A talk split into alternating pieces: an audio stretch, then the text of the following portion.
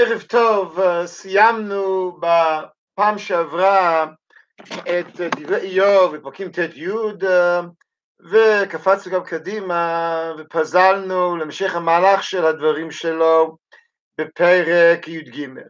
אבל בעצם עסקנו בפרק י"ג כהשלמה, איזה קו חשיבה שאיוב התחיל בפרק י', עכשיו נחזור לסדר הדברים ונעבור למענה של צופר. צופר הוא הדובר היחידי שעד עכשיו לא דיבר, היות שיש שם שלושה, אליפז בלדד וצופר, ואיוב כל הזמן מכניס את התגובות שלו, אז צופר עד עכשיו לא נשמע.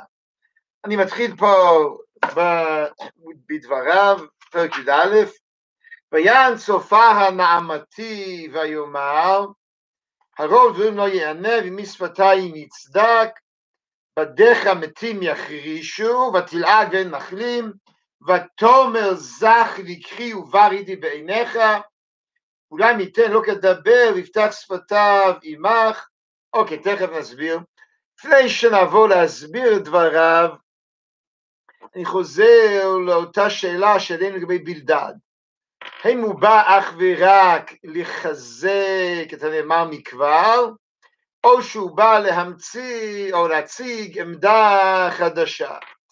וכאן לא נופתע אם נמצא את אותן גישה פרשניות שראינו בפרק ח' לגבי בלדד, גם לגבי צופר.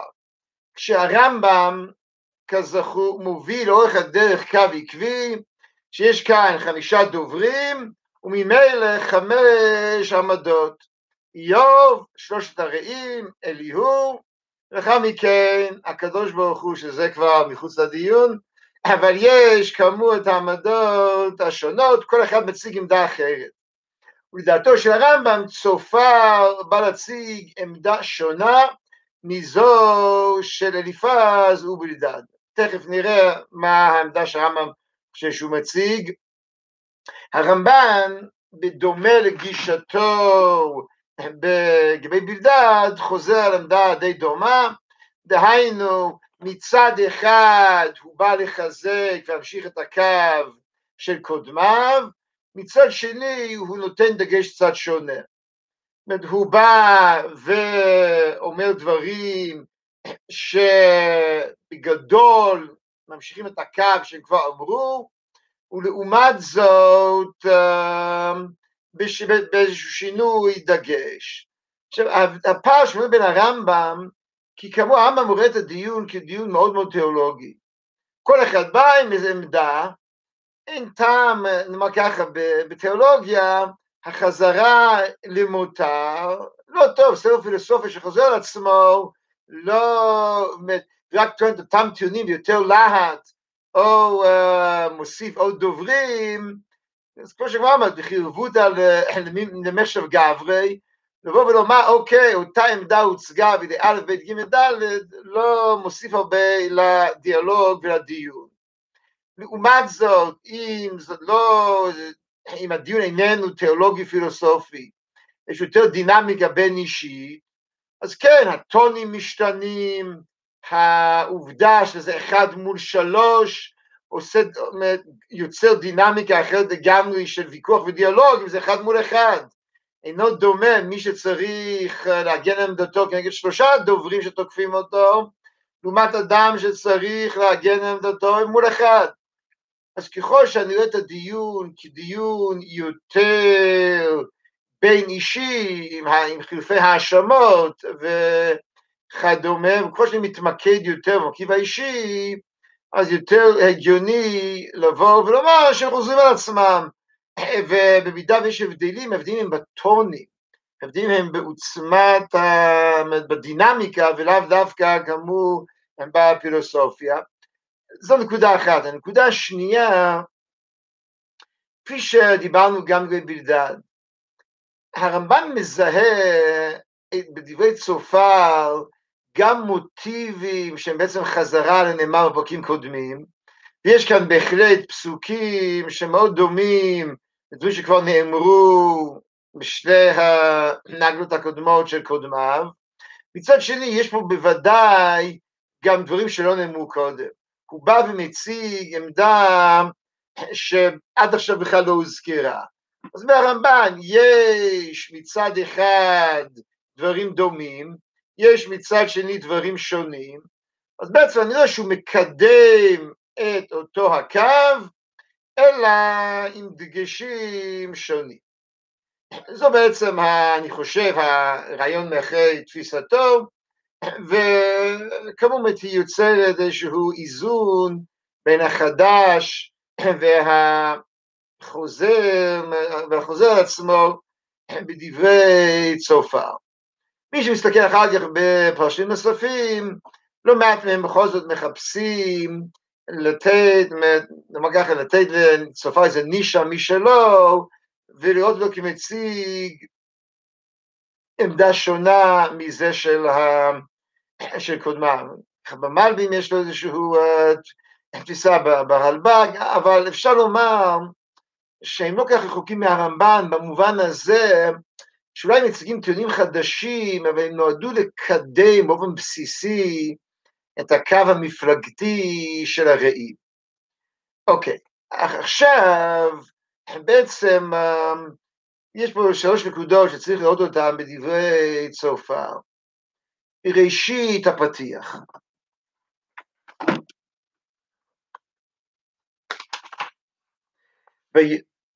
הרוב דברים לא יענה, ומי שפתיים יצדק. כל הוא בא לאיוב ואומר, אתה יוצר מסך עשן ורבלי, אתה מדבר הרבה, אתה נסחב בעוצמות הרטוריות, אבל העובדה שאתה מדבר בלהט וב...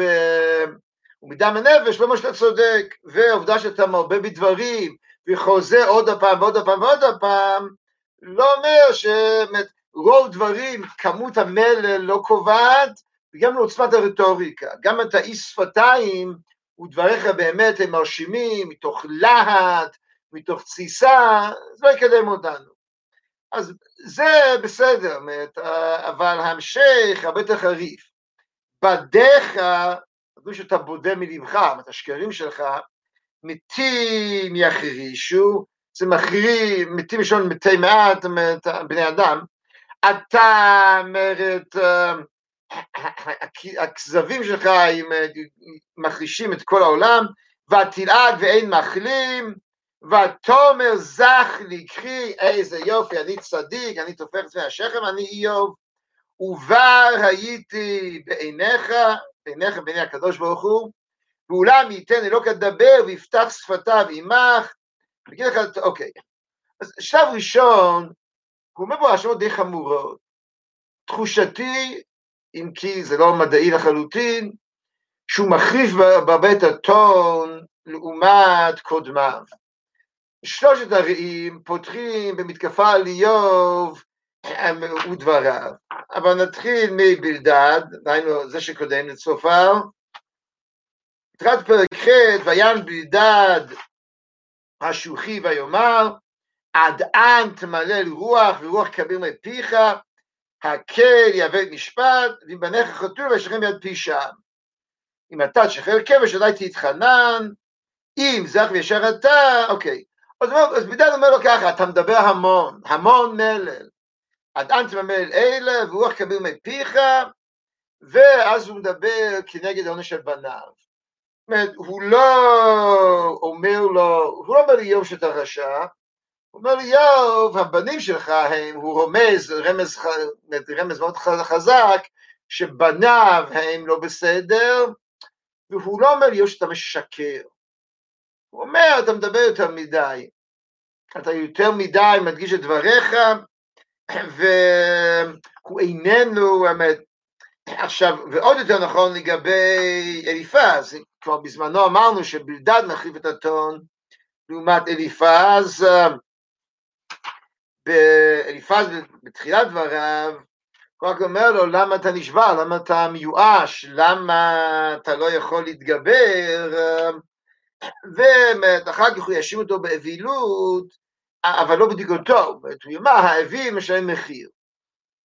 דבר ראשון שאומר לו, אתה שקרן, בדרך מתים יחרישו, והוא מתאר אותם כדברי לעג, וא', ב', הוא גם לא, צופר עצמו, אומר כך, ותלעג ואין מחלים, ואז הוא לועג לאיוב. כאילו, אחרי שבתלעג ואין מחלים, אז הוא מתחיל בזימה מאוד צינית, ותאמר זך לי קחי, ובה ראיתי בעיניך. אז הוא כאמור, בצורה אירונית אפשר לומר, לועג, זה שאיוב אומר שהוא זך, אז מחד, אמ, לא רק שהוא לועג ומחזיר באותו מטבע, הוא בעצם אומר, אתה שקרן, אתה חטאת ואתה סובל מיוהרה וגאווה, בצורה הרבה יותר חריפה מאשר כאמור אליפז ובלדד, כך נדמה לי, אמ, זה גם עוד פסוק בהמשך, אה, וזו התייחסות פרשנית לזה, שגם כן אה, תחת אותה טענה. זו, אה, זה בעצם הפתיח. עכשיו זה משמעותי, כי אמרתי קודם, שבמידה והדרמה פה היא דרמה בין אישית, לא פילוסופית, לא כמו הרמב"ם, וכמו הקו שאנחנו כל הזמן מנסים לקדם פה, אז איפה נמצא את התפתחות העלילה? אז בעצם יש פה איזשהו ציר כפול.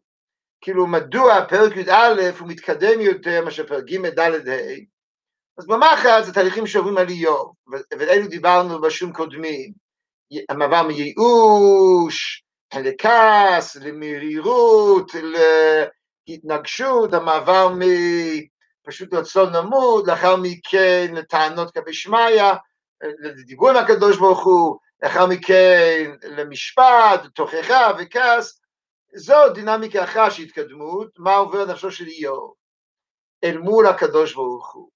יש נקודה אחרת, מה עובר נפשו של איוב, או, או מה, מה עובר בינו ובין הרעים. וכאן, אם זאת לא הצגת עמדות חדשות, זה הטון הולך ומחריף. כי איוב כל הזמן מרגיש שהרעים, בצדק, הם אומרים דברים יותר חריפים. בלדד החליף את הטון לעומת אליפז, וצופר מחריף לעומת uh, בלדד. אז כך אומרת, הדינמיקה הזאת uh, היא מתפתחת. נראה בפרק הבא שאיוב עוד הפעם יחלק דבר בשניים, חץ הראשון כלפי הרעים, חץ השני כלפי שמיא. וכפי שאנחנו רואים פה בעצם כל הזמן, איוב מנהל איזושהי חזית כפולה. יש חזית אחת עם הרעים, שנותנים לו את האמפתיה ואת הנחמה ואת החיבוק שהוא זקוק לו, וממילא הוא בעצם מחפש את זה אך ורק אצל הקדוש ברוך הוא, ויש את הדיון בינו ובין הקדוש ברוך הוא, ויהיו לכן שני צירי התקדמות וצריך לבחון את הדינמיקה בכל אחד מהם. טוב, זה, זו נקודה ראשונה, בעצם הפתיחה של צופר. עכשיו, מה הוא אומר? ואולם ייתן אלוק אדבר ויפתח שפתיו עמך ויגן לך תעלומות חוכמה ככפליים לתושייה ודע כשך אלוקה מעווניך החקר אלוקה תמצא אם אל תכליל שקי תמצא כובש מה תפעל עמוקה משאול מה תדע ארוכה מארץ מידה רחבה מן ים מאחור ויסגיר ויכירו מי ישיבנו, כי ידע מתי שבר אבן ולא יתבונן. הוא מכניס פה לתמונה מרכיב חדש, שאלה שטרם, או, או עמדה שטרם הושמעה. וזה מאוד מאוד עקרוני, מאוד חשוב, כי הוא הראשון שמכניס פה לתמונה שאדם לא יכול לעמוד על דעת הקדוש ברוך הוא, ובסופו של דבר בפשט הכי פשוט, זה גם התשובה בסוף, בסוף הספר. זאת אומרת, כאשר צופה אומר פה ש... גובי שמיים התפעל מוקם משול מהתדע, הוא קם מארץ מידה רחבה מים, זה לא כל כך שונה ממה שקדוש ברוך הוא את איוב מן הסערה. ולכן מצד אחד זו אמירה משמעותית, וצריך שוב להבין מדוע הקדוש ברוך הוא אומר את זה, הוא צודק, וצופה אומר את זה, וזה לא בסדר. אז uh, תכף נעשה זאת, אבל עוד קודם לכן. א', פסוק ו' שמה, או פסוקים ה' ו', אולם ייתן לו כדבר ויפתח שפתיו עמך, ויגיד לך תעלומות חוכמה ככפליים לתושייה, ודע כי אשריך אלוקה מעווניך. הפסוק הזה לא פשוט להבנה, ברור פה שהוא מדבר על כך שהוא יגלה לו תעלומות חוכמה. וזה מתקשר למה שהוא בהמשך, שדברים בעצם לא ידועים. מעבר לכך, מה זה דע כי ישה לך אלוקה מעווניך, אז באיזשהו מקום ישה זה מלשון שכחה או מלשון גביית חובות, כי תשב לך משט מאומה, רש"י קושר בפסוק הזה, או מלשון נשני אלוקים, ששכחתי, לא כל כך ברור, משהו, הקדוש ברוך הוא יקצה משהו עם החטאים של איוב. כמו הפסוק לא מאה אחוז ברור, אני לא כל כך רוצה להתמקד בזה, אלא לצטט פה בשביל להראות את מה שדיברנו קודם, שתי עמדות מאוד שונות uh, משני מפרשים בני ימינו. Uh, מצד אחד, uh, אני קורא פה את uh, הערתו של uh, פרופסור עמוס חכם בדעת המקרא, על הפסוק הזה הוא כותב כך, הפסוק הזה שובר את המשקל הקלאסי של פסוקים באיוב של שלושה שלושה מילים מקבילות, מצל הצל המקבילה, יש פה בעצם עודף, הוא כותב כך,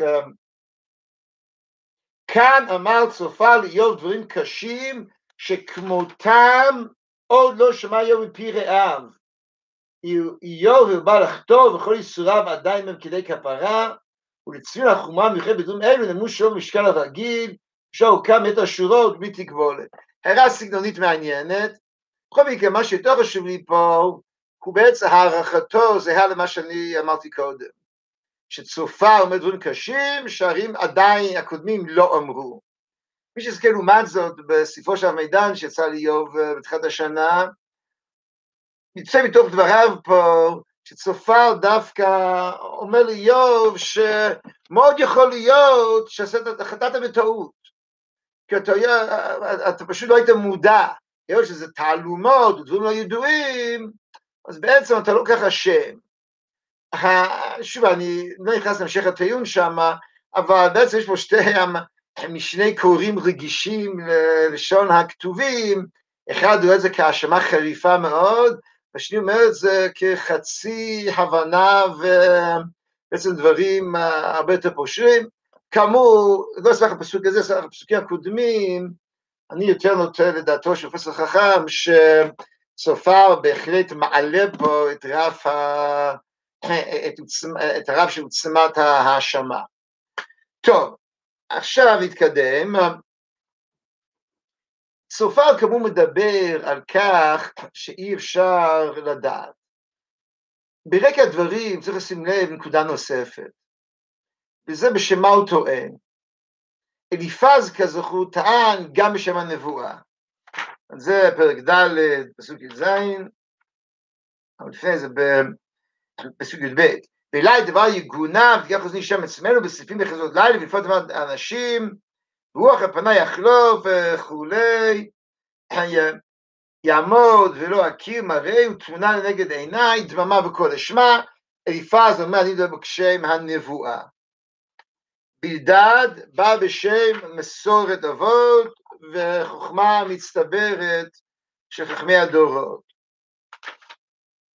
כי שנה לדור ראשון, בכונן נחק אבותם, זה פסוק ח' בפרק ח', כי תמור אנחנו ולא נדע, כי צא ממנו עלי ארץ אלוהים ירוך יאמרו לך מבם יציר מילים.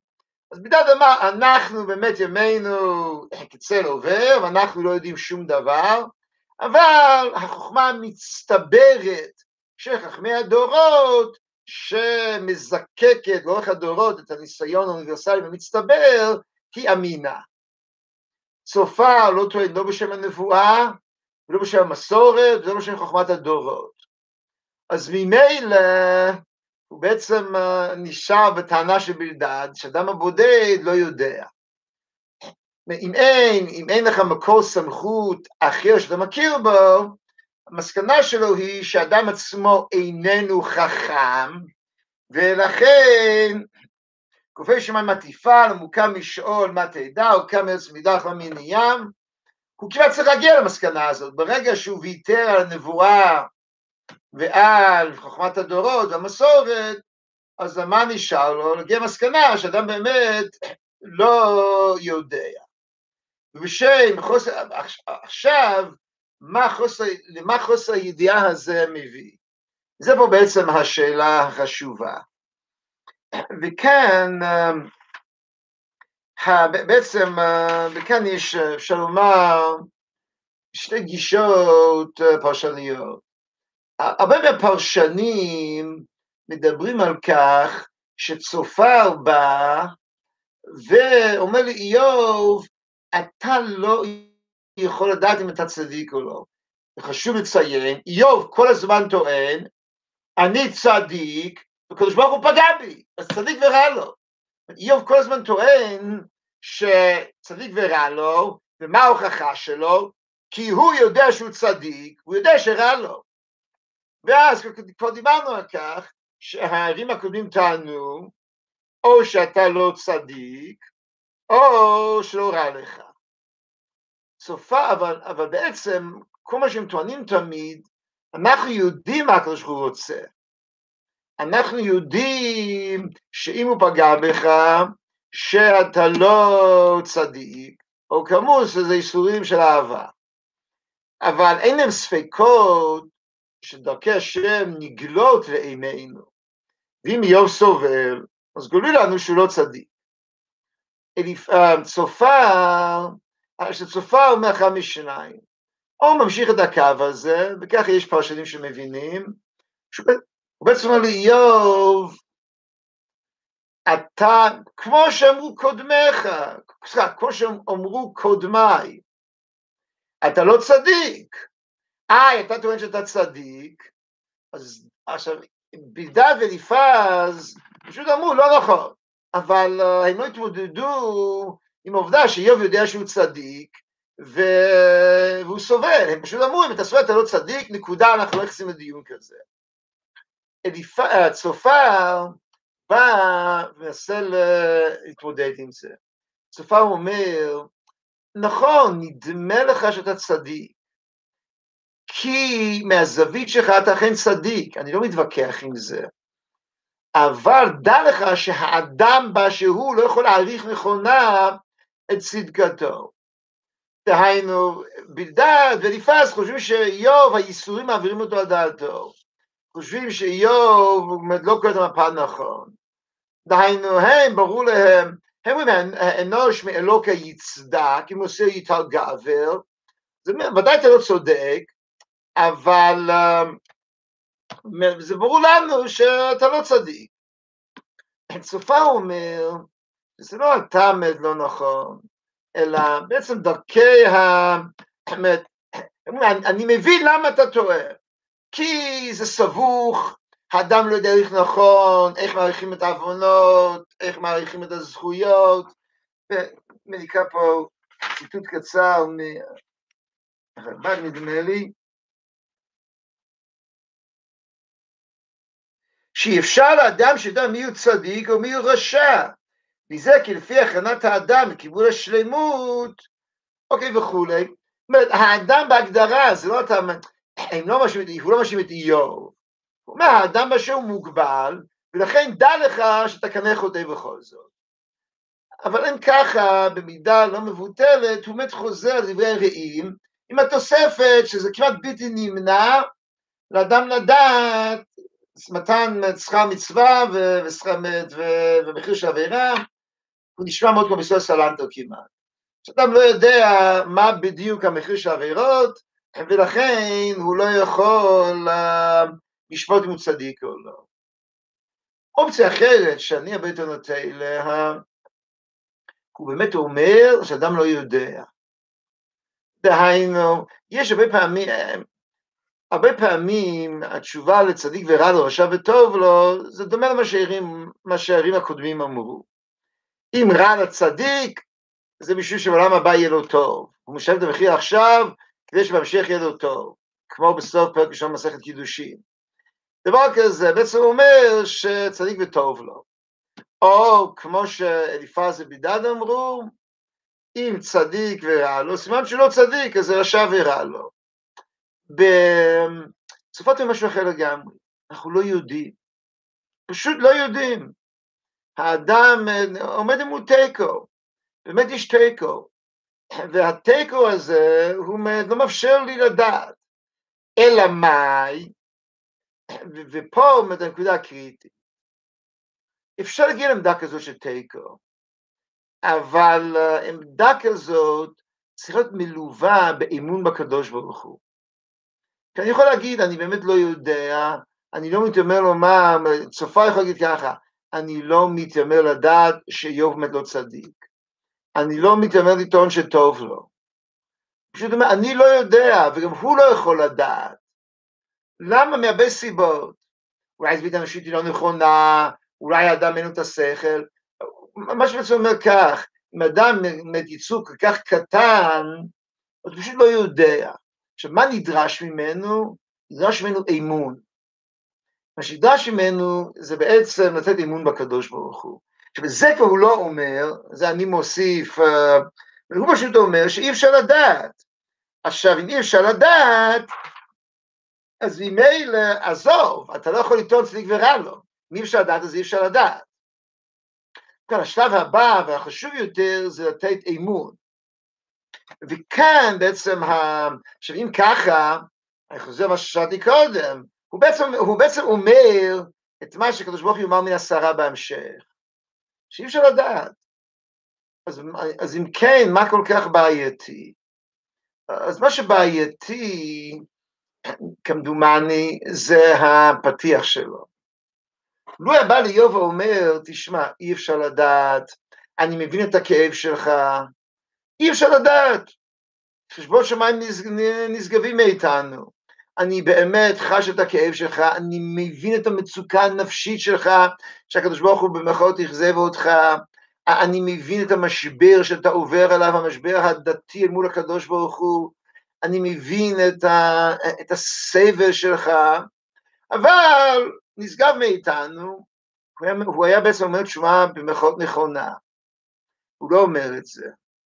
הוא מתחיל בהתקפה, אתה שקרן, אתה מאכזב, אתה מתאמר דברים שאין לך מושג בהם, האמת, הוא לועג לו, ותאמר זך לקחיר ביתי בעיניך, והוא גם אומר את המשפט הבא, וזה פה אולי המשפט הקריטי, ואולם ייתן אלוקה, ותאמר זך לקחיר ביתי בעיניך, ואולם ייתן אלוקה דבר ויפתח שפתיו עמך.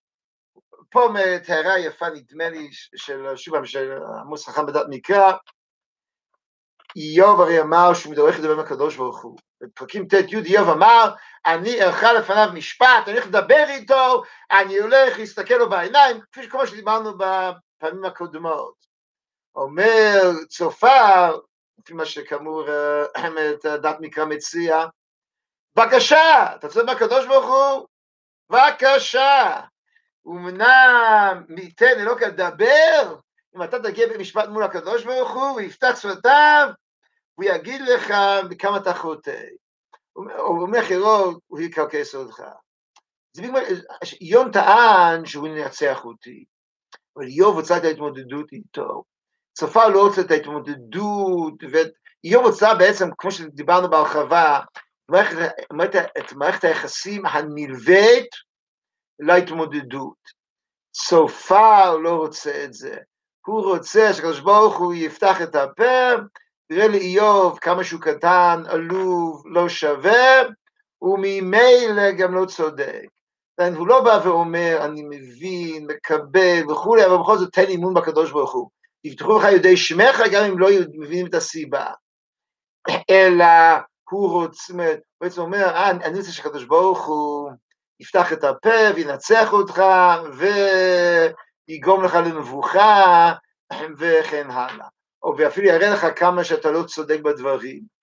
לא שקדוש ברוך הוא כאמור יתמודד ותהיה את עוצמת הילד, הילד שכאמור כועס ומתווכח עם אבא שלו, אלא שקדוש ברוך הוא יבוא באמת, וזה בדיוק הבעיה. הקדוש ברוך הוא יבוא באמת וינצח אותך, הוא יראה באמת, דבר כזה, זה בדיוק מה שחסר. שהוא לא יודע לתת, הוא יודע אולי, הוא עלה פה על יסוד מאוד נכון, אבל תשובה היסוד הזה, זה אך ורק ברמה ההשקפתית, ברמה הנפשית רגשית הוא רחוק מאיוב, החל מהאשמות החריפות שלו, וכלה בזה שהוא לא מתחיל להבין את המשמעות של המפגש עם הקדוש ברוך הוא והדיאלוג שינוהל ביניהם.